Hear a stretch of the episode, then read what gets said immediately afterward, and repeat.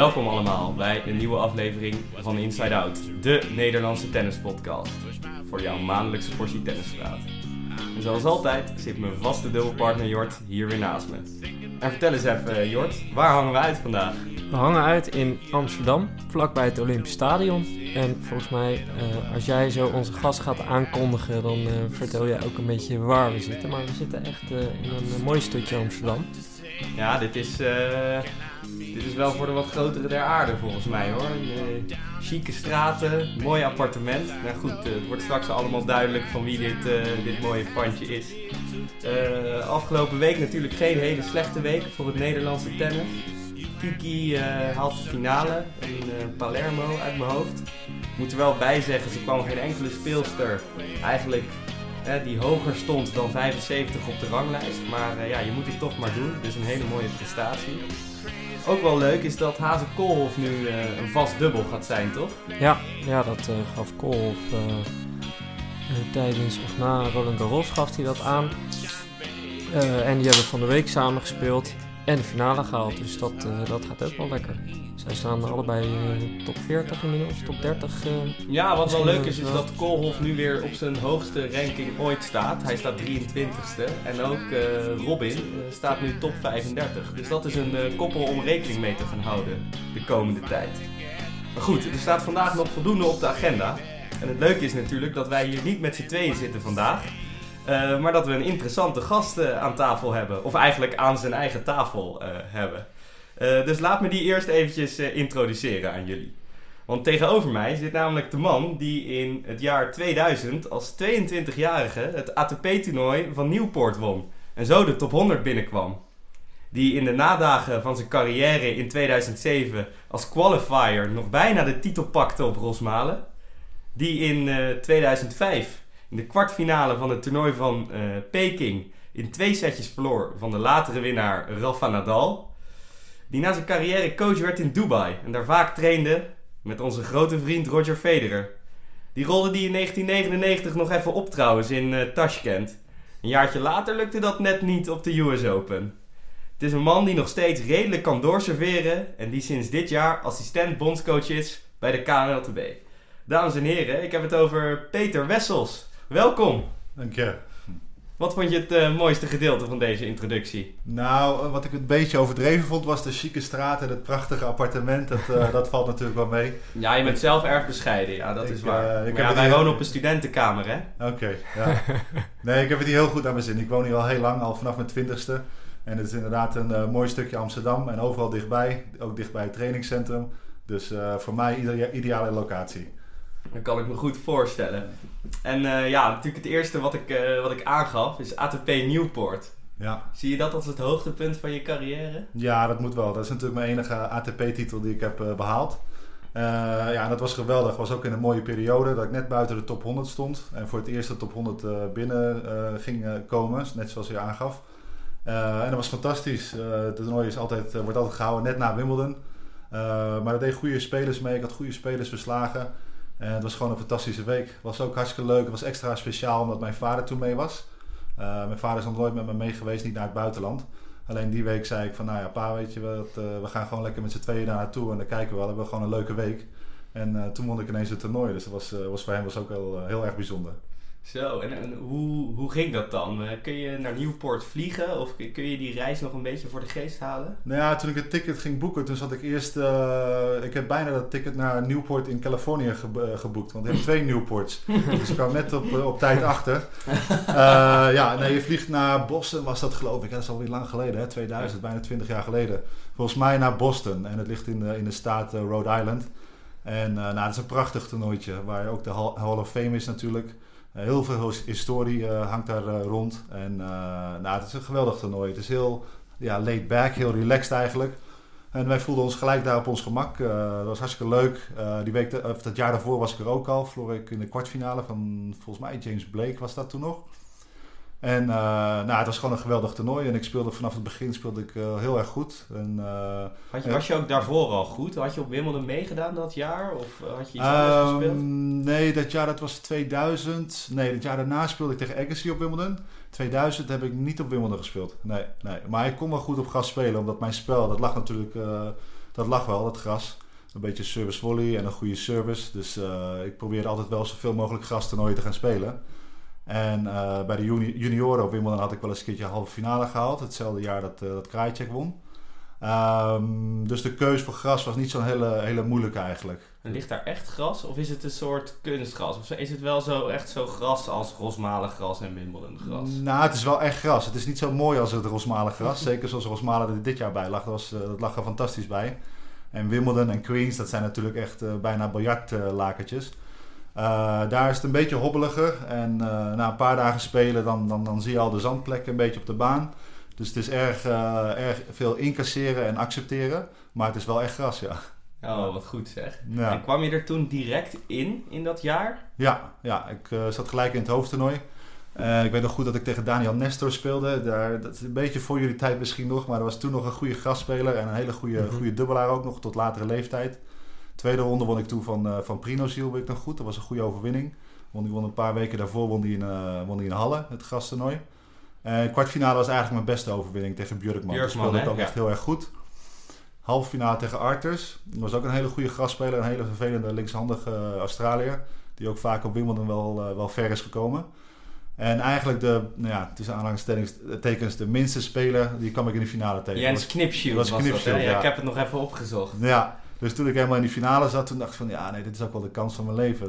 Dat ik in de finale tegen deze jongen sta, nu moet ik hem pakken ook. Maar ja, dan leg je jezelf natuurlijk wat onbedoeld wat druk op. En dat gebeurt natuurlijk wel vaker als tennisser.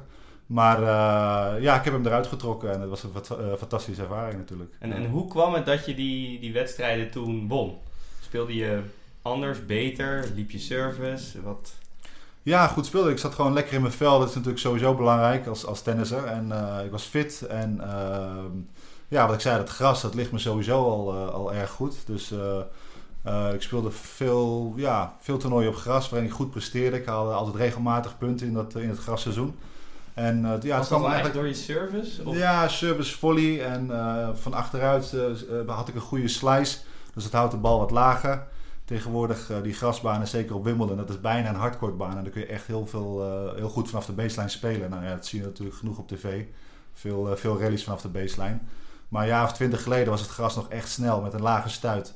Dus daar maakte ik altijd uh, met mijn spel goed gebruik van. Ja. Ja, dat kan ik me wel voorstellen. En, en ik ben gewoon nog even benieuwd naar. Je zit dan in Nieuwpoort. Uh, ik heb het even opgezocht op Google Maps. Het, het, terrein zag er inderdaad heel mooi uit. Mooie banen met verhogingen en stadionnetjes. En uh, ja. verder een vrij klein stadje, volgens mij, relatief. Ja. En waar sliep je dan bijvoorbeeld? Uh, ja, gewoon zoals altijd in een hotelletje. Maar het is inderdaad een heel klein... Het is een soort van havenstadje. Het is een heel pittoresk ja, stadje of dorpje eigenlijk, maar wel ontzettend mooi. Ze hebben ook een soort van cliffwalk daar, een, een, eh, een hele mooie, kust, mooie kust met uh, een rotskust met, uh, met fantastische huizen van die hele grote miljoenen, miljoenen villa's daar, waar je gewoon langs kan lopen. Mooie stranden hebben ze daar. Het is echt een heel mooi, mooi pittoresk plekje. Ja. Mooi. Ja. Het is wel natuurlijk het laatste toernooi op gras dat jaar, toch? Nieuwpoort. Ja. Ja, dat is de laatste uh, sowieso ATP-toernooi wat op gras is. Ja. ja. ja. Was het niet, uh, niet balen dat je dacht van, nou, als er nu nog een paar grastoernooien kwamen, dan... Uh, ja, op een gegeven moment zit je dan eenmaal in, in zo'n flow, dan denk je van, doe er nog maar een paar. Ja. Maar aan de andere kant, je weet, ja, je hebt die titel, ja, die heb je in de zak. En je gaat met veel vertrouwen naar het volgende toernooi. alleen het liep voor mij een beetje anders. Je gaf het net al aan, dat was de tweede keer dat ik tegen Federer speelde. Dus dat was ook dat jaar 2000 op de US Open. En daar ging het uh, flink mis met mijn enkel. Ben ik in de vijfde set ben ik heel hard door mijn enkel gegaan. Uh, heb ik alles afgescheurd aan de buitenkant. Dus heb ik de rest van het jaar niet meer gespeeld. Dus ja. uh, dat is echt flink balen geweest. Dat je net in een flow zit. Je komt net de top 100 binnen. Je denkt van nou oké, nu ga ik... ja, nu ga ik er tegenaan. Nu ga ik verder kijken. Weet, ja, top Grand 50. Slams. Grand Slams. En nou ja, nog het meest zure was dat ik in de derde set een matchpoint had tegen hem. Die maakte ik dan niet. Dan kom je in de vijfde set. Uh, stond ik 4-3 voor. En ik geloof dat het 30 gelijk op Juice was. En hij sloeg een bal, een, een, tweede service op mijn lichaam. En ik wist niet zo goed welke kant ik op moest draaien. En op het laatste, ja, ik, ik, uh, ja, ik ging gewoon zwaar door mijn enkel heen. Dus het was, uh, dat was heel zuur. En dat was, toch, dat was een klein maandje na Nieuwpoort. Dus toen kon ik eigenlijk weer opnieuw beginnen. Want toen kwamen andere puntjes er weer aan van het winterseizoen. Toen stond ik weer buiten de top 100. En Ja, dat is ook wel een klein beetje het verhaal van mijn carrière geweest. Heel veel, heel veel ups en downs, zeg maar. Heel veel net buiten de 100. Een paar goede prestaties weer binnen de, binnen de 100 komen. Maar nooit echt heel erg steady. Of, uh, of, of uh, ja, kunnen denken en dromen van nog iets hoger. Omdat er elke keer wat gebeurde. Ja. En kunnen we nog even teruggaan naar die US Open? Want jij speelde eerste ronde tegen Federer. Of dat, ja. dat was eerste ronde, hè? Eerste ronde, ja. En hij was toen nog niet geplaatst, denk ik? Uh, nee, nou, of net wel. Ik denk dat hij rond de 30, rond de 35 stond. Oké. Okay. Uh, volgens mij haalde hij dat jaar voor het eerste kwartfinale van een Grand Slam. En een jaar later stond hij top 10. Dus hij ging al heel hard. En je zag al dat, het, dat hij er uh, ja, ja, heel hard aan zat te komen. Maar uh, ja, wat jij ook al zei, ik had het het jaar daarvoor al verslagen. Ja, 1999, ja. Tashkent. Was dat jouw eerste keer dat je Roger Federer tegenkwam? Ja, ja, maar toen was hij nog heel jong, hè. Dus dat staat natuurlijk wel mooi, uh, mooi maar op de lijst. hoe jong dan? Uh, toen was hij 18, denk ik. Ja, ja, 2000. Hij is drie jaar jonger dan ik. Ja, klopt. Dus, ja. ja. dus dan was hij nog echt jong, stond hij nog net buiten de top 100. En ook op de US Open waar ik tegen hem speelde, dan had hij nog wel wat dingetjes waar je hem, waar je hem wel op kon pakken, tactisch gezien. Zeg maar. Bijvoorbeeld een, echt wel een stuk mindere backhand. Dus daar heb ik heel veel op geserveerd. Uh, veel naar zijn lichaam geserveerd. Maar dat heeft hij inmiddels, uh, of dat hij toen de tijd al, al zo snel had hij dat ja, goed, hoe zeg je dat, goed verbeterd. Dus niet, niet, niet kort daarna was het, was het geen zwakke plek meer van hem. Nee. Maar zag je toen, toen al dat het gewoon een bizarre speler was? Of dat hij de, de, de nummer 1 ging worden? Of, uh, ja, Tasken nog niet zo. Natuurlijk was hij heel jong en hij speelde ATP-toernooien. En hij had wel al alle Grand Slams gewonnen, geloof ik, bij de junioren. En tijdens de US Open, toen zag je wel van, nou, dit gaat wel een groter worden. Maar ja, je kan natuurlijk nooit van tevoren Maar waar merk je het dan aan? Want het is, is het iemand die jong is? Is het dan de, überhaupt omdat hij op die leeftijd zo goed was? Of zag je al dingen in zijn bewegingen of in zijn slagen dat je dacht, hé... Hey, dit is eigenlijk wel bijzonder. Ja, het pure talent. Het pure talent wat hij heeft. De souplesse, de rust die hij zijn slagen heeft, de keuzes die hij maakt op de baan. Dan zag je al op hele jonge leeftijd dat hij het gewoon echt al uh, heel goed voor elkaar had. Ja, en dan word je natuurlijk gewoon nog sterker met, uh, met veel toernooien spelen, wedstrijden spelen, ervaring opdoen. En dan zag je gewoon dat het gewoon echt een, uh, ja, een hele grote speler ging worden. Maar ja, dat je, dat je 20 Grand Slams ging winnen, dat, ja. Ja, dat weet je natuurlijk nooit van tevoren. Ja, dan moet ook alles ja. goed gaan natuurlijk. Ja, maar jij, jij dood hem dus uh, in 2000, US ja. Open. Ja. Dacht je, en je was, je was dus in vorm, want je had Newport een maandje geleden gewonnen. En ja. US Open ook een snelle baan. Ben je in de US gebleven die maand ook? Had je daar dan nog wat gespeeld of ben je terug naar huis gegaan? Uh, ik heb Washington gespeeld. Washington speelde ik daarvoor. Zat ik ook in het hoofdtoernooi. En als ik me goed herinner, verloor ik daar tweede ronde van Tim Henman. Uh, in een goede wedstrijd van mijn kant. En uh, vanuit Washington ben ik toen gegaan naar de, naar de US Open. Ja. ja. En niet lang daarna ben ik uh, teruggevlogen. Ik mocht niet meteen vliegen met die enkel. Maar een paar dagen daarna ben ik teruggevlogen nadat het gebeurd was. Ja. ja. En nee, toen noodde je dus Federer. Nou, als je wist wat, wat je te wachten stond. En je speelde dus goed, hè? want je won de eerste twee sets, dacht ik, sowieso. Ja, eerst, ja klopt. De eerste twee sets won ik. De derde set kreeg ik een matchpoint dan op zijn service. Eén matchpoint, die serveerde hij gewoon goed weg. Daar kon ik eigenlijk weinig aan doen. Geen, het was gewoon een direct punt eigenlijk. Ja, ja, het was gewoon een hele goede service. Daar kon ik, daar kon ik niks aan doen. Um, ja, en hij kwam wat beter in de wedstrijd. Misschien wat onbevangener, omdat hij toch al een matchpoint had tegen gehad. En uh, nou ja, die overwon hij dus, dus won hij de set. Dus ging misschien iets vrijer spelen. Maar hoe dan ook, ging, ging mooi gelijk op. En uh, nou ja, wat ik zei, in de, in de vijfde set ging het voor mij in ieder geval uh, flink mis. Ja, zonde. Was ja. dit op een. Uh, dit, dit speelde zich af op een bijbaan waarschijnlijk, toch? Niet ergens Arthur Ashe of. Nee, nee, nee, nee. Dat was inderdaad een bijbaantje. Tenminste, een bijbaantje volgens mij. Ja, je noemt het een baan 16 was het volgens mij. Maar die heeft wel aan de zijkant een behoorlijke tribune. Okay. Maar nee, absoluut geen Arthur Ashe of Grandstand Stadium. Nee, nee. Ja, mooie, ja. mooie ervaringen lijkt me dat. Absoluut, absoluut. Ja, ja wat was er gebeurd uh, met jouw carrière, misschien met Federer's carrière, als jij dat matchpoint wel had gemaakt? Ja, ja. Ik, ik, denk dat de carrière van Federer niet zo heel erg beïnvloed zou, uh, nou. geweest zou zijn. Maar uh, met mijn carrière, ja, je weet het nooit. Je nee. weet het nooit hoe het gaat natuurlijk. Ja. En dan niet zozeer die wedstrijd, of ik die wedstrijd had gewonnen of verloren. Maar het feit dat ik daarna drie, bijna vier maanden niet kon spelen dat is natuurlijk wel ontzettend zuur. Zeker ja. als je als jonge jongen net voor het Mentaal eerst op de 100 ook, ja. komt. Mentaal, ja. En uh, nou ja, op jongere leeftijd dan uh, kun je er wat makkelijker mee omgaan. Dan, dan heb je nog in je achterhoofd van, nou, ja, ik heb nog een lange tijd te gaan. Wel 8, 9, 10 jaar te gaan. En het komt wel goed en dan kom ik weer terug. En dan kwam ik ook wel. Maar ja, het is wel, was wel even een klappie. Ja, ja dat kan ik me voorstellen. Gaan we even een paar jaar verder, want nou ja, 2005 haalde ik het al even aan.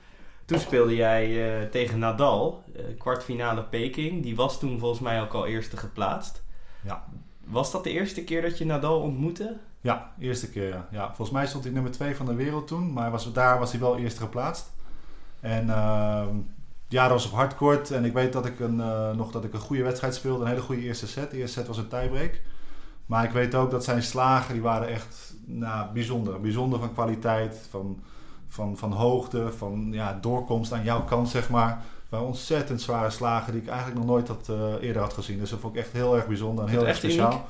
Dat was echt, het was nog een hardcore baan, hè? dus het was niet eens gravel. Het was niet eens gravel, nee. Daar had ik het nog lastiger gekregen, denk ik. Maar uh, nee, ik ging gewoon voluit. Ik ging voor alles, voor al mijn slagen. Ik speelde veel naar voren.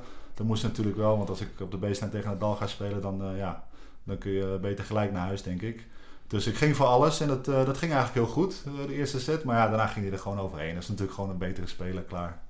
Maar waar, ja, ik ben nog wel benieuwd van hoe, hoe je zegt van ja, dit, wa dit waren uitzonderlijke ballen. Maar ja. hoe, waar zit het hem dan in? Ja, wat ik aangaf, dus de zwaarte van de bal, dus de hoogte, de diepte, hoe die binnenkomt uh, aan je eigen kant van het net. Dus, dus echt een hele diepe, zware bal met, met ontzettend veel spin. En tegelijkertijd heel hard geslagen. Je hebt vaak van die spelers die spelen zwaar, dus wat hoger over het net. Maar dan heb je vaker ook wat meer tijd. Maar hij sloeg ze zo ontzettend hard uh, en dan net voor de baseline met ongelooflijk veel spin. Dus dat is, uh, ja, dat was vanaf de baseline was er geen begin aan eigenlijk. En dat heb je nooit eerder meegemaakt? Of dat had je... Nee, dat, nee, dat was echt heel erg bijzonder, ja. Ja, absoluut. Dat viel me heel erg op. Dat, uh, dat weet ik nog goed ook van die, van die wedstrijd. En toen was Nadal natuurlijk ook al dus echt top van de wereld. Ja. Je hebt ook tegen Federer gespeeld, maar dat was misschien nog... Toen was hij nog niet op zijn fysieke top misschien ook. Ja, ja. En Nadal was dat in 2005 zeker wel. Ja, dat denk ik wel, ja. ja, nou ja als je nummer 2 van de wereld staat, dan ben je redelijk, sta je redelijk aan de top, denk ik. Dus ja, dat was, was een pittige pot voor me.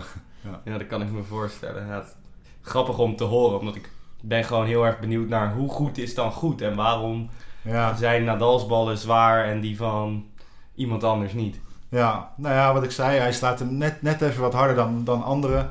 Net wat dichter bij de baseline en dat doet hij dan niet twee of drie keer, maar gewoon vijftien keer als het, uh, als het moet.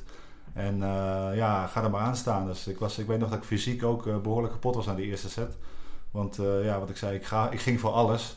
Dus rennen voor alles, spelen voor alles. ja, eigenlijk een alles of, of niet spelletje. Maar het was, het was heel erg pittig. Maar goed, daar staat hij natuurlijk ook bekend om. Dat hij je fysiek ook wat uitput. Ja, nog en, steeds hè. En nog steeds, ja. ja. En je raakt natuurlijk ook wel een beetje onder de indruk.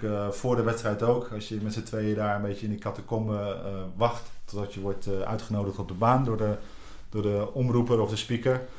Ja, dan staat hij daar te springen of hij staat uh, een beetje heen en weer te rennen en te springen. En je ziet dat hij in die totale focus zit. En dan weet je gewoon van, ja, nou, ik moet hier echt uh, heel zwaar aan de bak vandaag. Voelde je je een klein beetje een toerist, zeg maar? Of? Nee, nee, dat is overdreven. Dat is overdreven. Nee, ik had altijd, altijd het gevoel dat ik, dat ik een kans maakte tegen iedereen. Ook met mijn spel en met mijn service. Als ik dan goed speelde, dan, dan had ik wel het gevoel van, nou, ik maak best wel een kans tegen iedereen. Of tegen heel veel spelers, tegen de meeste spelers. En uh, ik denk dat die instelling me ook wel heeft gebracht tot het winnen tegen een paar top 10 spelers. Uh, maar dit was wel eventjes een ander kaliber, ja. Ja, dat kan ik me wel voorstellen. Wij gaan ieder jaar bijvoorbeeld altijd naar Roland Garros toe.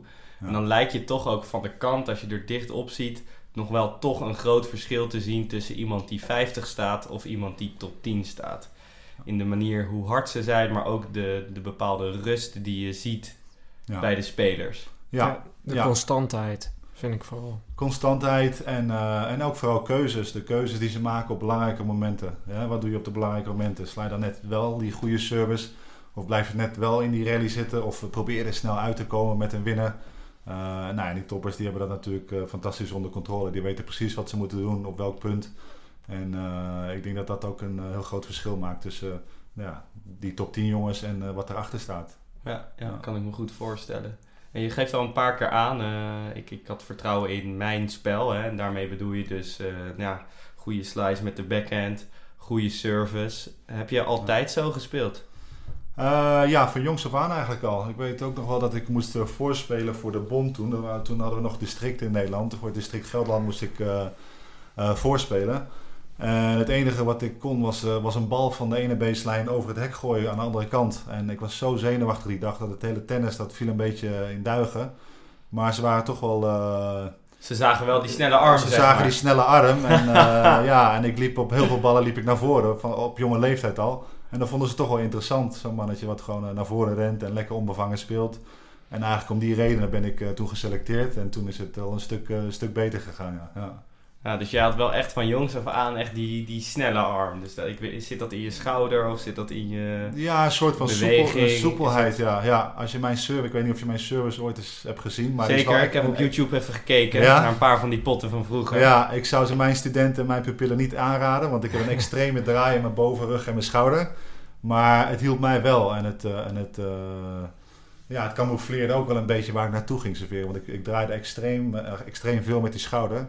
Dus die, die, snelheid die haalde ik niet alleen uit de schouder, maar ook uit die draaiing van het hele bovenlichaam. Mag ik vragen, of kan je misschien één keer even staan en die beweging doen? Ja. Want ik ben er zelf ook onwijs naar aan het kijken van hoe kan ik nou die beste service doen? Kun je Dat wil één je keer doen Wil je? Ja, ja, nee, tuurlijk. Ik wil zien, ja, Ja. Het is, we hebben natuurlijk geen beeld, maar dan kan ik wel een beetje proberen over te brengen hoe Peter Wessels dat dan doet met zijn... Want ja, ik ben gewoon benieuwd. Je kan hem mooi beschrijven misschien. Ja, ja, dat is goed. Zo, en dan sta, Ja, dan ik altijd vijf keer. Er staat nu echt een kerel van twee meter hier recht voor me. Dat is heel indrukwekkend, maar Ja. maak je beweging af. Nou, op het moment dat ik wat naar achteren Ja. leun, dan, dan draai ik hem hierin. Oké, dus, je, dus je, je zwaait niet echt onderlangs, Nee. maar je, je gaat echt direct gelijk. eigenlijk hè, naar, naar de zijkant toe. Gelijk naar de zijkant en naar boven. Ja. En dat Ja. doen wel meer spelers. Hè. Je Ja. gaat natuurlijk lang, netjes langs onderen, Ja, dan naar boven. Maar jij, jij tilt hem dus niet echt op van de achterkant. Hè? Dus je Nee. gaat eigenlijk direct vanaf, zeg maar, je hebt je armen op ter hoogte van je navel en dan trek je hem meteen naar achter Trek je eigenlijk. meteen Hè? weg met een beetje gespitste elleboog naar achter. Ja, precies. en Ja, dan zie je als tegenstander, als retourneerder, zie je een beetje mijn rug, zeg maar. ja, dus ja, ja, Ja. want ik zie nu echt jouw, jouw rechter elleboog, die komt echt achterlangs, komt die weg. Dus daar, daar, daar draai je echt in. Ja, ja een beetje een, eh, een extreme draai. En eh,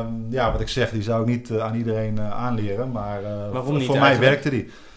Nou, is het blessuregevoelig? Ja, sowieso. Sommige spelers die zijn bijvoorbeeld niet zo, eh, zo mobiel in hun, in hun bovenrug. Dan wil je wel dat ze wat meer indraaien of dat ze die rechter schouder iets meer naar achteren gooien. Maar het moet eh, fysiek en eh, anatomisch moet het ook allemaal wel kunnen. Veel spelers eh, kunnen dat ook niet. Maar moet je het niet wel dan altijd zoveel mogelijk proberen, te, zoveel als je kan? Ik bedoel, je hoeft denk ik niet mensen te, te soort, soort van te forceren om die hele rug eh, te draaien terwijl ze dat niet kunnen. Maar het, zou, Ja. het is altijd beter toch om meer in te draaien? Nou, bij de service lijkt me wel, ja. Je hebt sowieso wel een, een, een soort van draaiing nodig, inderdaad. Op zijn minst lijkt me dat die linkerschouder, eh, ja, zeg maar evenwijdig aan die rechterschouder eh, staat. Eh, maar bij mij ging het dus eh, nog even iets verder door, zodat je aan de achterkant... eh, of, Ja, je zag het nu heel duidelijk, want jij draait Ja. echt heel ver. Dus ja, Ja. Peter Wessels is eigenlijk een soort van kurkentrek of een soort, ja, die, die kan zichzelf helemaal als een soort spiraal kan die zichzelf opvouwen en daar komt natuurlijk snelheid uit. Ja, ja, die draaiing van het bovenlichaam. Dus die service had ik vanaf, vanaf jongs af aan eigenlijk al. En dat is altijd wel een wapen gebleven waar ik veel potten wel, wel mee binnenhaalde. Als het dan vanaf de baseline wat minder ging of het, gewoon het algehele spel wat minder ging, dan kon je altijd nog wel een beetje leunen op de service. Ehm, maar tegenwoordig is dat ook alweer een beetje anders, omdat veel spelers die retourneren zo ontzettend goed.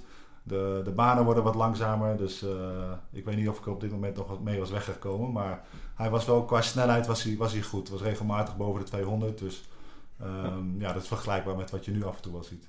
En Wat voor smaken had jij zeg maar toen ter tijd met je service? Hoe, hoe keek je ernaar? Was het van, eh, ja, bijvoorbeeld eh, onze vriend en gast in de show, Wesley Koolhof, die had het af en toe over, ja, gewoon een bommetje op de thee of wat dan ook. Ja. Hoe, hoe keek jij naar je voordat je ging staan? Belangrijk punt. Hoe dacht je dan over hoe je ging serveren? Nou, ook heel erg afhankelijk van je tegenstander natuurlijk. Waar heeft hij de goede return? Hè? Waar slaat hij het liefst zijn return? Eh, ga ik service volley spelen of niet? Ja, wat is de score? Het is heel erg afhankelijk. Maar ik denk een ander, een ander puntje wat ik wel had, een positief punt, is dat ik eigenlijk alle hoeken kon maken. Heel veel spelers hebben een bepaalde voorkeur. Eh, bijvoorbeeld van de rechterkant hard en vlak door het midden. Dus dan weet je vaak als je een wedstrijd speelt op belangrijke punten, dan gaat die hard en vlak door het midden. Maar bij mij was het een beetje meer onvoorspelbaar, denk ik. Ook omdat ik het zelf vlak voor het punt ook nog niet echt wist. dus dan eh, was het helemaal moeilijk in te schatten voor de tegenstander, denk ik. Ja, en je ziet nu, tenminste bij bijvoorbeeld iemand als Djokovic, dat hij heel veel in het lichaam serveert. En dat dat ook Ja. heel effectief is, zeker belangrijke punten. Deed jij dat toen ook al? Of maar probeerde je echt meer die hoeken te maken? Nou, nee, zeker op gras eh, deed ik dat ook. En veel op de tweede service vooral. Want de tweede service ja, gaat uiteraard een stukje, stukje langzamer. Dus als je die in iemand zijn eh, ja, zone speelt, zeg maar. Dus netjes in zijn backhand of zijn voorhand. Ja, dan heb je een groot probleem als je service volley speelt. Maar als je hem gewoon lekker, toch met een redelijke snelheid en nog een beetje kan, kan draaien met slice in een lichaam van iemand. Ja, dan heeft hij natuurlijk eh, sowieso nog een lastige return. Dus op, eh, op gras en snelle banen speelde ik regelmatig een tweede service met, eh, met slice op het lichaam. Ja. En niet risicovol dan, met veel slice? Nee, valt wel mee. Valt Ja. mee. Het was niet een hele harde service. Het, het blijft een tweede service. Maar eh, nee, qua snelheid en, en een klein beetje... ju- juist omdat je een beetje slice eraan geeft... is het, eh, is het wat minder risico, lijkt me. Als hij wat vlakker was geweest, dan was Ja, er meer precies, risico tuurlijk. geweest. Ja, ik dacht meer van misschien een kick, maar dat wil je op gras waarschijnlijk niet doen. Eh, niet te veel. Nu, te- ja, oh, tegenwoordig kan het wel. Hè. Nu pakt die kick... het gras pakt hem goed. Hij staat het mooi hoog op. Maar twintig jaar geleden, zo rond die tijd dat ik dat toernooi won... toen, toen schoten de ballen meer door. En dan, dan kwam je met een slice op snelle banen meer beter weg. ja. Ja. Maar kon je wel, kon, kon- je wel goed kicken? Jawel, jawel. Ja, met mijn service kon ik eigenlijk, eh, eigenlijk alles wel. ja. Alle hoeken en alle varianten, Jawel. die, eh, Ja, die ja. kwamen er lekker af. ja dat, dat, dat lukte meestal wel, ja. Wel, ja. wat goed. En toen, eh nou ja, ik wil toch ook weer even een klein, klein beetje vooruitspoelen. Toen ging het Ja. op een gegeven moment gewoon ging het iets eh, minder. Het is 2007. Volgens mij, eh, wat ik las, is dat je zelfs een beetje twijfelde over eh, de toekomst van het profbestaan. En toen eh, speelde je een keer op een eh, dag, nou ja, in het voorjaar heb je altijd de, de landelijke eredivisie, zeg maar. Toen speelde je, dacht ik, voor Lemonias in eh, Den Haag. Of je speelde daar in ieder geval. Nou, zou kunnen. Ik speelde toen voor Amstelpark. Oh, je speelde voor Ja. Amsterdam Park, maar je speelde misschien op Leimonias, dan zelfs tweede single. En dan weet ik nog net voor Rosmalen, zeg maar. Ja, ja. Toen stond je daar tweede, dus nou ja, met alle respect, Nederlandse eredivisie. Eh, je- was oud top 100 speler, of je had al in de top 100 gestaan. Ja. Je speelde daar tweede single tegen, nou ja, ik weet niet wie, maar die pot verloor je. Ja. Wat? Amir Haddad. Precies, ja, een Israëliër. Ja, precies, een Israëliër. 7-5, 7-5 Dat was een uit mijn hoofd. verschrikkelijke wedstrijd van mijn kant. Ja, weet ik nog. Ja, toen ging het niet allemaal goed, hè? Nee, ging niet goed. En die jongen die ken ik al heel lang vanuit de jeugd. Die is eh, dezelfde leeftijd. Dus eh, tijdens toernooien eh, bij de junioren kwamen we elkaar altijd tegen. Van ons, vanaf, onze, eh, vanaf ons veertiende al eigenlijk. Ja, dat was een verschrikkelijk slechte wedstrijd. Dat weet ik nog wel. Hoe ziet een Ehm, verschrikkelijk slechte wedstrijd van Peter Wessels eruit? Eh, nou, dat was wel lelijk. Als ik slecht speelde, dan was het wel lelijk. Dan wist ik ook niet zo goed meer wat ik moest doen. Moest ik nou op de baseline blijven? Moest ik nou naar voren gaan? Ik was ook best wel, nou ja, best wel negatief wil ik niet zeggen. Maar ik was best wel hard voor mezelf op de baan. Een beetje zeurderig misschien. Dus dat was, eh, ja, dat was niet mooi om te zien, denk ik, die wedstrijd. Maar laten we snel doorskippen naar wat daarna kwam. Ja, nee, natuurlijk. Ja, nou, dat moet je dus eigenlijk zelf maar vertellen. Ja, Vanaf, ja. eh, vanaf daar. Want het, ik Ja. denk dat, dat dat verhaal dat begint alle, allemaal bij... ehm, je was toen gesponsord door Essex. Ja, oh, dat En, is een eh, bekend verhaal al. Ja. Nou, weet ik niet, Ja. eh, maar ik, ik, ik leid hem een beetje in. En dan moet je het Ja. zelf maar vertellen. En Ja. eh, nou, die, die hadden jou gewoon gewoon een soort breed kledingpakket aangeboden. Met ook wat grasgear. En toen heb jij volgens mij geantwoord van, dat heb ik niet nodig. Ja, niet eens. Ze hadden niet eens wat aangeboden, want het was helemaal niet mijn plan om dat jaar naar gras te gaan. Maar inderdaad, op vrijdag voor de kwalificatie van Rosmalen, de kwalificatie begint natuurlijk op zaterdag, eh, speelde ik nog op Gravel, Eredivisie. En op dat moment dat was niet tegen Haddad, Haddad was eerder die week. Oké, Maar op die vrijdag speelde ik nog hartstikke goed. En over het algeheel gezien, die competitie speelde ik gewoon heel, heel goed. Ik won veel wedstrijden van goede spelers. En eh, toen zeiden mijn eh, teammaatjes en de coach eh, toen de tijd, Huip Troost was dat bij Amsterdam Park, die zeiden van nou, waarom ga je niet gewoon lekker naar Rosmalen spelen? En, of op Rosmalen spelen. Ik had er niet eens bij nagedacht. En toen dacht ik van, nou ja, ik heb er helemaal geen zin in. Ik sta vandaag op gravel, moet ik morgen naar gras. Dat gaat absoluut niet werken. Maar toen gaven ze aan van, nou ja, op, gravel speel je ook aanvallen. Je speelt regelmatig service volley en je weet het maar nooit. Het zijn maar volgens mij waren het twee rondjes toen die tijd. Dus toen heb ik vrijdagmiddag later heb ik nog Essex eh, gebeld, mijn eh, toenmalige sponsor. En op zaterdagmorgen, morgen, voordat ik naar Rosmalen reed, heb ik die schoenen ergens nog opgehaald. Een paar grasschoenen. En ben ik kwalificatie gaan spelen. En eh, dat ging eigenlijk vanaf dag 1 ging dat heel erg goed, heel erg onbevangen. Eh, geen druk, geen verwachtingen. lekker sferen. Lekker serveren, lekker indraaien met die schouder. Ja, precies. Ja, ik heb het net gezien. Ja, en ik eh, kwam die eerste twee wedstrijden kwam ik redelijk makkelijk door. En toen stond ik in het hoofdtoernooi. Dus daar was ik eigenlijk al hartstikke blij mee. En, en ook wel een klein beetje tevreden. Maar toen zag ik de loting en toen dacht ik van nou, die eerste ronde moet ik tegen een Argentijn, tegen Berlok. Die uh, behoorlijk grote achterzwaaien heeft. Dus als ik snel speel en direct speel en snel naar zijn voorhand speel, bijvoorbeeld, waar hij een behoorlijke uh, ja. achterzwaai mee heeft. En waar kwam had. hij vandaan, weet je? Van Roland Garros of zo? Van, uh, weet ik Geen veel. idee, weet ik niet. Maar het zou heel goed kunnen. Dat soort jongens spelen natuurlijk zo lang mogelijk en zoveel mogelijk op gravel. Dus ik denk van, nou ja, weet je wat, met een beetje massa pak ik die ook nog mee. En dat gebeurde ook, die pakte ik in twee sets. En toen weet ik ook nog dat een linkshandige Fransman, een heel klein mannetje, of een heel klein mannetje, dat klinkt een beetje raar. Maar hij was uh, ja, een kleine Fransman, een linkshandige, de Vilder heet hij. Uh, die kwam ik toen tegen in de tweede ronde. En toen dacht ik van ja, maar ik sta ze gewoon lekker te spelen. Ik sta gewoon lekker te spelen. En deze jongen die ken ik wel een beetje hoe die speelt. En ik denk van deze, deze ga ik ook pakken. Hoe speelde die dan? Nou ja, vanaf de baseline ook. En uh, meer moeite op snelle banen dan op langzame banen. Hij had wat tijd nodig voor zijn slagen. Uh, een matige service. Dus met die service kon ik wel wat doen. Die kon ik aanpakken. Dan kon ik bijvoorbeeld de chip and charge spelen. Of gelijk het initiatief in de rally nemen. Veel slice naar zijn backhand waarschijnlijk als ja, hij linkshandig en tweede was. service is zijn lichaam, die slice natuurlijk. Ja. Dus uh, ja, die pakte ik toen ook. En ja, dat was natuurlijk geweldig. Vier, Zeiden de mensen om je heen toen? Had je al het gevoel, er gaat iets gebeuren? Of wat, uh... Nee, want toen moest ik tegen Robredo. En daar had ik op Rosmalen al een keertje van verloren. Dat was wel een jaartje of 10, 15 daarvoor. Stond toen zevende van de wereld. Ik bedoel, die, Ja. was, die was echt wel een goede periode Ja. bezig. Stond eerste geplaatst en die speelde... Het was wel een Spanjaard en misschien zijn favoriete ondergrond was wel gravel. Maar hij speelde altijd goed op gras ook. Volgens mij heeft hij Rosmalen ook nog een keertje gewonnen. Of in ieder geval is hij heel ver gekomen. Dus dat was een hele taaie, taaie tegenstander toen. Maar ik speelde ongelooflijk goede wedstrijd, weet ik nog. Het was echt mijn, eh, mijn beste wedstrijd van het jaar. En wat maakt die jaar? wedstrijd dan zo goed? Ehm, ik, ik deed gewoon precies de dingen die ik, die ik moest doen tegen zo'n speler. Dus, dus veel inkomen. Ik heb ehm, eh, in mijn carrière best wel een beetje getwijfeld hoe, hoe ik moest gaan spelen. Ik heb eigenlijk te weinig ben ik naar voren gegaan. Ehm, omdat ik redelijk, redelijk eh, compleet was als, als tennisspeler. Ook vanaf de baseline had ik redelijk goede slagen. Maar ik had eigenlijk achteraf wat ik meer voor één speltype moest moeten kiezen. En dan het speltype wat het dichtst bij mij lag. En dichtst bij mijn natuur was gewoon naar voren gaan. En dat deed ik, in die wedstrijd deed ik dat gewoon eh, heel duidelijk. Ik zette hem constant onder druk. Ik ging veel naar voren. Eh, alles liep eigenlijk. Eh, ook als ik in de baseline rally met hem kwam, dan was ik vaak de, de betere speler. Dus ja, dat was een fantastische overwinning. 6-3, 6-3 volgens mij won ik die wedstrijd. Dus ja, toen stond je in één keer de halve finale. Was ja, behoorlijk verrassend. Ja. En wat zeiden de mensen om je heen ervan? Ja, geweldig natuurlijk. Elk rondje dat je meepakt is natuurlijk... eh, Ging Huip elke keer ook bellen? Van, zie je wel. Nee, ja, Huip was er die week eh, was hij erbij. Ja, ja die zat, eh, die zat in de box en die was, elke wedstrijd was hij aan het bekijken.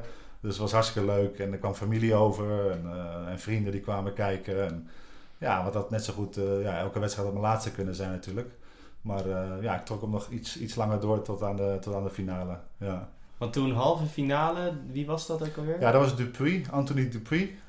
Dus toen, eh, toen lag de druk eigenlijk weer bij mij. Weet je, ik had net die nummer 1 verslagen. En dan, eh, ja, dan zie je vaak als je daarna tegen een op papier wat mindere speler speelt, dat het dan eh, dat fout gaat bijvoorbeeld. Maar ehm, ja, die dag niet. Ik wist dat ik wel de favoriet was op dat moment. Want ik was gewoon een betere grasspeler.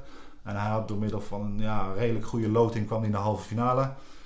En toen dacht ik van ja, ik moet deze wel, eh, wel gaan winnen. Want dit is een unieke kans. En deze kans krijg ik waarschijnlijk nooit meer. En eh, ja, die pakte ik ook. Ja, Ja, mooi. En Ja. finale, Lubicic. ja klopt. Of hoe je dat moet uitspreken. Lubicic, ja. Ik eh, ben geen één keer gebroken, weet ik nog. Ik heb ook uiteindelijk meer punten dan hij gewonnen. Maar Had je toch matchpoints? verloren. Geen matchpoints, nee. De Nee, laatste oh. tiebreak was hij echt wel een stukje beter. 7-6 in de derde. Dus dat was, eh, dat was heel erg jammer, maar ik kon er niet heel erg mee zitten op dat moment. Later, toen ik terugkeek, dacht ik van, nou, dat zou wel toch wel geweldig zijn geweest. Dat het niet gewoon eh, één titel is geweest, weet je wel niet. Dat, dat mensen denken van, dat is een toevalstreffer. Maar als je er twee pakt, dan is het gewoon, eh, ja, dat is gewoon geweldig natuurlijk. Ja, ik denk altijd in tennis, een echte toevalstreffer bestaat ook niet echt. Hè? Want het is niet alsof je één wedstrijdje speelt. en Je noemt het net zelf al, ook in Ja. Newport. Je moest gewoon eh, vier, vijf rondes winnen. Ja, En op Rosmalen natuurlijk precies hetzelfde. nee, is ook zo. En ook nog over twee sets, niet eh Nee, tiebreak of zo. Dat Dus- klopt. Dat is natuurlijk wel anders met, eh, met, met andere sporten. Bij boksen bijvoorbeeld, waar je in één keer een hele lucky eh, rechtse hoek kan geven. En die komt er toevallig goed aan. En dan, Ja, nee, je moet inderdaad eh, het wat over, over een wat langere tijd trekken. En het zijn meerdere wedstrijd, wedstrijden. Dus ja, lucky was het niet. Maar het was gewoon een, het was een mooie bevestiging geweest. Ja. maar wel een geweldige week lijkt me. Ja, absoluut. Absoluut de topweek. Heel erg onverwacht. En ehm, ja, mooie afsluiter. Hoewel ik wel verloor. Maar daarna zijn we gewoon met de vrienden gelijk de stad ingegaan hier in Amsterdam. Zijn we die week eh, gaan vieren met z'n allen. Wat gebeurt er dan als jij met je vrienden de stad ingaat? Ehm, nou, tegenwoordig niet zoveel, want ik wel Nee, rustig maar toen. geworden. Maar op dat moment, zo onverwacht. Nou, ik snap ook, nu zit er gewoon een hele volwassen, serieuze kerel tegenover me. Tuurlijk. Maar toen was jij dus eh, 29, een beetje eh, mijn leeftijd. Ja, ja, aan het eind van mijn carrière. Onverwacht zo'n hoogtepunt nou. Eh, toch nog eventjes gehaald. Eh, ja, dan ga je gewoon lekker los in de stad. Dan ga je de kroegjes af en de discotheek in. En lekker- Ga je dan de Jordaan in of zo? Of wat? eh, waar- Wij zijn toen naar van die feestcafés geweest. Wij gingen toen af en toe wel eens, als we, als we de tijd hadden, gingen we naar die feestcafés. Die, die amazing cafés waar ze elk nummer maximaal 30 eh, seconden draaien. Ja, een beetje à la Jantjes verjaardag. Dat Een beetje die hoek op het Rembrandtplein. Ja, die hoek eh, moet je, ja, ja, cool down, dat soort dingen, daar moet je het eh, zoeken. Dat was toen die, toen die tijd. En dan zijn we goed losgegaan en dat was, nou, ja, dat was geweldig. Ja, hartstikke leuk. En waren er dan ook nog collega-tennissers bij, zeg maar? Die, had je daar een soort van Ehm. maten in? Of wa- waren dat gewoon vrienden van uit andere... Nee, ook, ook collega tennissers, ja. ja, ja. Tennissers van mijn, eh, van mijn leeftijd, jongens met wie ik toen die tijd ook wel reisde. Of voorheen eh, heb gerei, had gereisd. Wie Dus waren dat was het, bijvoorbeeld? eh, ehm, een Edwin Campus bijvoorbeeld, een Mella van Gemeren, dat soort jongens. Die ken je misschien wel. Michel Koning, waar we nog Zeker, tegen, ja. ja, ja. Dus waren, eh, was een wel leuk groepje bij elkaar. Ja. Ja, dat kan ik me voorstellen. Ja, Ja. leuk. ja. Toen toch wel vrij snel daarna eigenlijk besloten om ja, niet meer als proftennisser Ja. eh, door te gaan. Ja. Maar toen kwam er weer een heel ander avontuur aan. Dubai heb je het over, denk ik. Ja, precies. Ja, ja. Ik ben in 2009 gestopt. Nou ja, na Rosmalen toen dacht ik van, nou ja, ik sta nu weer 140. Ik kom in ieder geval de challenges weer in. Ik ga het nog een keer proberen. Eh, ging niet zo lekker, niet wat ik, had, wat ik ervan had verwacht. Toen heb ik nog op een moment gedacht van, nou weet je wat, ik ga dubbelen. Eh, dat ja, goede service natuurlijk. ja, had ik achteraf, had ik dat iets eerder moeten gaan doen misschien in mijn carrière. Maar goed, dat is eh, achteraf kun je het wat beter, beter overzien misschien. Want waarom ging dat dan eigenlijk niet? Ehm, omdat ik in het begin, in het midden van mijn carrière, was ik regelmatig geblesseerd. Dus als je dan weer opstart met toernooien, dan wil je niet gelijk single en dubbel spelen. Want dat is gewoon fysiek is dat, ja, behoorlijk Precies. uitputtend. Dus dan eh, wilde ik me toch ja, voornamelijk op de single richten. Maar daarna eigenlijk, waar- waarom lukt het daarna dan niet om toch Nou, te gaan ik- dubbelen? Of? Omdat ik te, van te ver moest komen. Ik moest echt bij de futures beginnen. En om als, om als 29, 30-jarige in de futures te beginnen, opnieuw met het dubbelen. Terwijl ik op dat moment al best wel moeite had met reizen. Ik vond het reizen niet meer zo leuk. Al mijn maatjes van mijn eigen leeftijd die waren gestopt. Snap Dus ik. ik was veel eh, alleen op reis. Dus dat ging me een klein beetje tegenstaan. En, ehm, maar goed, had ik achteraf had ik daar iets eerder mee, eh, mee moeten beginnen. Want ik, eh, qua speltype had ik gewoon, eh, ja, was, was, ja, was, was gewoon goed voor, eh, voor een dubbel. En ook in de Davis Cup werd ik wel vaak opgesteld in de dubbel. En daar speelde ik ook altijd wel goed. Dus dat had ik, daar had ik iets eerder voor moeten kiezen. Ehm, maar om terug te komen op je vraag. ja, ja, wij gingen richting de Emiraten. Ja, nee, ik had eigenlijk nog één vraagje tussendoor. Maar dat, was, dat is misschien wel echt een beetje een detailvraagje voor de freaks. Maar datzelfde jaar in Rosmalen kreeg Timo de Bakker een eh, wildcard. ja, En eh, stond je met hem ook eh, in het dubbelspel. ja. Wonnen jullie een rondje, stonden jullie kwartfinale. En dan zie ik daar ineens staan walkover. Ja, ja. Moest je, deze, zonde, moest je deze vraag stellen van Timo? Heeft hij daarover gehad of niet? Nee, nee, nee. Echt niet? Nee, nee. Oké. Nee. Nee, hij heeft het dan nog regelmatig over, ja. Dat ik hem toen gedumpt heb. Ja, hij zei we hadden dat toernooi kunnen winnen samen, hoe wij toen speelden. Eh, hij, was, hij was natuurlijk een jonge, jonge frisse speler, ontzettend talentvol. En ik, eh, en ik speelde die, die paar weken ook heel erg goed. Dus eh, hij zag het helemaal zitten. Alleen ik weet nog dat er in, in Rosmalen die week was ongelooflijk veel regen. Dus we moesten binnen gaan spelen. En ook twee, ik moest twee wedstrijden op een dag spelen in de single. En daarna had ik nog naar binnen gemoeten voor de dubbel. En dat zag ik absoluut niet zitten. Ook vanwege mijn fysiek en zo. Ik denk van nou, dat gaat helemaal fout. En ik ga zo meteen struikelen. Of ik was een beetje bangig dat ik Ja, je hebt echt voor de single gekozen gewoon toen. Ja, toen heb ik gewoon eh, echt voor de single gekozen, ja. ja, ja. Heb je hem daarna wel meegenomen de kroeg in? Of, eh, Nee, hij mocht niet mee. Hij was te jong nog. Hij was te jong, te talentvol. Hij had nog een hele mooie toekomst voor zich. Dus eh, nee, de jongens die meegingen, die waren allemaal aan het eind van hun carrière. Of die waren al gestopt. Ja, Dus, eh, precies. ja, ja, nee, die is niet meegegaan. Nee, het is ook maar goed dat je hem niet hebt uitgenodigd. Nee, precies. Maar die, eh, ja, die brengt hij nog regelmatig naar voren. Een paar weken geleden nog waren we nog in Duitsland. Was ik als begeleider mee voor de bond. En dan was hij ook. En toen, eh, toen had hij het er nog even over. Oh ja, serieus? Ja, ja, ja, toen bracht hij het weer naar voren. Ja. Oh nee, dit was Ja. echt een toevalsvraagje. Het was niet dat hij zei van, nou als je Peter Wessels voor de microfoon hebt, dan, Dan moet je die even vragen hoe opgooien. dat Ja. zit. eh. Oké, ja. Maar ja, je hebt hem dus gewoon, eh, ja, Peter Wessels dumpt Timo de Bakker. ja. Maar niet voor niks dus, uiteindelijk. Nee, dat is een grotere gedachte achter, absoluut. Ja, absoluut. Nou, afgelopen weekend had ik het ook weer hoor. Eh, zaterdag of vrijdagavond, dubbel, vol clubpark, Ja, voorste baan, kwartfinale dubbel gewonnen. En, oh, wanneer moeten we halve? Misschien zaterdag, uurtje of vier. Vrijdagavond natuurlijk eh, feestavond op de club. Ja, en alles ja. aan de hand. Ja, zaterdagochtend eh 9 uur. Oh.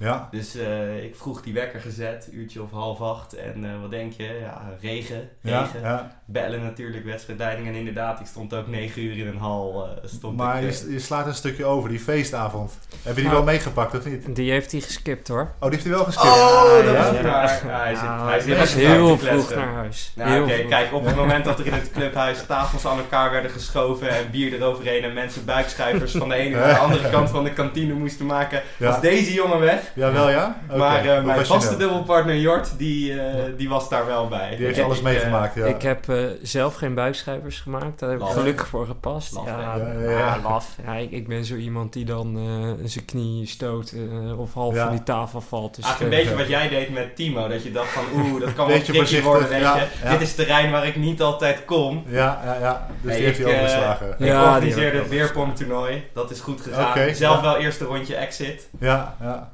Ik, eh, nou ja, ze zaten, die service zat er vrijdag ook al niet lekker op. Dus dan, dan Maar weet je al met eh, ja, het was, Oké. het was mooi. Maar ik was redelijk op tijd eh, thuis. Ja. Zes uurtjes slapen is wel wat ik nodig heb. Anders Nou, heb je massa met de regen, dan heb je nog een paar extra uurtjes, toch? Ja. Nou, ik was dus al opgestaan. Oké. Dus ja, het was, dat was kansloos. Maar wel gewoon lekker in de hal gestaan. ja, En gewonnen. Ja oké, Moet ik mooi. er toch even bij zeggen. Nou, hartstikke goed. Mooi. En toen moest ik eh, later die middag weer gewoon op gravel. En dan merk je toch hè, dat eh, nou, de eerste paar ballen, die, eh, die zitten niet zuiver. Is toch even wat anders, ja. Ja, daar was ik dus ook een klein beetje bang voor. Ik denk, nu zit ik heel lekker in het gras, op het gras tennis met de lage stuitjes en, en de rare stuitjes. En Ja, terecht. ja, ook twee ik. wedstrijden per dag, plus nog een dubbel. Ik denk van, nou, ik, ik ga voorlopig even voor de single. Dus, maar dat heeft Timo nooit echt kunnen accepteren. Ja, hoe gaat het nu met Timo eigenlijk? Want eh, we spraken hem in maart. Toen, was hij nog, toen stond hij nog rond plek 200. Had hij nog ja, heel veel verwachting van het seizoen. En hij had natuurlijk de punten in, eh, van Scheveningen te verdedigen. Ja. Maar ja, sindsdien is het niet echt lekker gegaan. Qua uitslagen in ieder geval. Nee, hij heeft een paar keer eh, nog? Ja, moeilijk, eh, moeilijk verloren. En de challenges, eh, ja, het zijn ze natuurlijk eh, tegenwoordig zo, zo sterk. Ja. En hij heeft een paar close wedstrijdjes verloren. Dus dat, ja, dat, dat helpt dan ook op een gegeven moment ook niet mee met het vertrouwen. Hè. Dan ga je het een beetje zoeken. Dat gebeurt bij elke tennisspeler. En waar ligt dat dan aan? En ja, dan ben je op een gegeven moment een beetje zoekende. En eh, ik denk dat het ook een beetje met, eh, met Timo is gebeurd. Eh, maar hij kan nog steeds ongelooflijk tennissen. Hè. We zien hem regelmatig op het, op het NTC, bij het Nationaal Tenniscentrum. Dus het tennissen kan hij nog wel, maar het is wel een stukje vertrouwen waar je ja, een paar wedstrijden winnen. En dat, ja, dat doet wonderen voor je, voor je vertrouwen natuurlijk. En dat, dat is precies wat hij nu gewoon even nodig heeft. Ja, precies. Volgens mij won hij toen ook de eerste ronde Roland Garros kwalies. Toen dacht ik, nou, Ja. hij heeft wel een redelijke loting. En toen verloor hij die tweede wedstrijd volgens mij net. Ja, Weet je, als hij dan net even het hoofdtoernooi binnenkomt, goede loting heeft, Ja, dat zou dat in één vaak. keer weer... eh, dat is het vaak. Ja, een stukje vertrouwen. Het gaat zo, zo erg om vertrouwen op dat niveau. Eh, een paar wedstrijden winnen. En, en je voelt je gewoon een stuk lekkerder. Nou ja, net waar we het over in, in Rosmalen al over hadden. Of eh, over Rosmalen. En dat, eh, dat heeft elke speler nodig. En, eh, en Timo ook. Dus ik hoop dat dat de komende tijd... eh, ja, dat het eventjes naar, naar de goede kant valt voor hem. Hij heeft er zelf nog wel veel vertrouwen in. Ja, nou ja, dat is het belangrijkste toch? Ja, Ja, ja, daar, nee, daar moet het ook mee beginnen. Ja. Nee, ja, Ja. we waren natuurlijk in Marbella, zagen we hem spelen. En er zit gewoon een, jongen met ontzettend veel talent. Ja. Met hele goede, hele goede slagen, goede fysiek, weet je. Het, ja, dat je je afvraagt van, eh, ja, hopen dat het valt. Ja, precies. Nou ja, goed, hij wordt ook al eh, een jaartje ouder natuurlijk, 30. Eh, er komen allemaal van die jonge honden aan, hongerige jonge, eh, jonge honden. Ja. Eh, veel goede spelers, niveau gaat natuurlijk omhoog. Het, het wordt allemaal wat fysieker, dus eh, het wordt er niet makkelijker op. Maar eh, ja, zolang hij er zelf nog goed eh, vertrouwen in heeft en, eh, en ervoor gaat, eh, ja, denk ik dat hij zeker nog mooie dingen kan laten zien. Want het is gewoon een fantastische tennisser. Ja, dat Ja. zagen we ook. eh, Ja. Heel duidelijk. Werk jij dan veel met hem?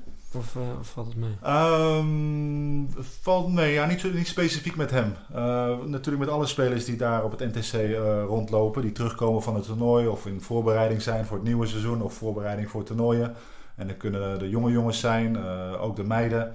Dus het is niet specifiek Timo, maar het is meer een, een groep die wij, die wij aanpakken. Ik en, en Bas, de, de hoofdcoach, de, de bondscoach. Um, dus ja, van alles eigenlijk. Ja, ik, uh, wel de eerste twee weken dat ik werkte voor de KLTB, dat ik begon vorig jaar oktober, ben ik wel met hem mee geweest uh, naar uh, Mexico en naar Amerika voor twee challenges. Ja, dus de eerste twee weken van mijn dienstverband, zeg maar, ben ik wel met hem mee geweest op reis. Ja, ja goede ervaring. Ja, absoluut. Dat, dat is, want ik, ja, ik kan me dat ook zo voorstellen dat als je dan veel op reis bent en je zit daar echt helemaal alleen, dat is toch ja, dat is een andere dynamiek, zeg maar. Als, als speler zeker, ja. Ja, dat is lastig. Zeker, uh, ja, wat ik net al zei, als je, als je maatjes allemaal gestopt zijn en je bent gewend om in een klein groepje te reizen en, en, en een beetje erbij te dubbelen of met een coach te reizen. En op, op een gegeven moment sta je er gewoon een beetje alleen voor en dan komen er wel wat jonge jongens op. Um, maar het is, toch, het is toch een beetje anders en je hebt, je hebt al veel meegemaakt, je hebt op een bepaalde plek gestaan.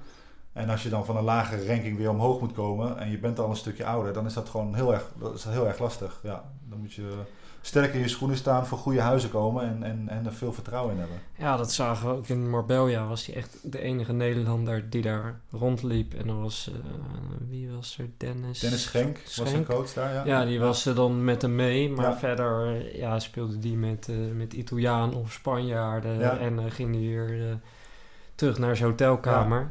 Maar ja, dat is wel uh, het leven van een tennisspeler in een notendop natuurlijk. Ja, gewoon de typische, de, de, het A4'tje wat klaar ligt. Uh, wie wil er sparren tussen 10 en 11? En je schrijft in je Zo eentje je naam op en iemand uh, ja. die kalkt zijn naam er wel bij, toch? Nou ja, meestal en zeker in het geval van Timo. Want Timo kent elke speler als zijn broekzak. Dus die heeft heel veel connecties in het internationale tenniscircuit. Dus die kent heel veel jongens. vaak loop je gewoon op zijn jongen af. Of hij nou op de trainingsbaan staat of gewoon een beetje rondloopt in het park.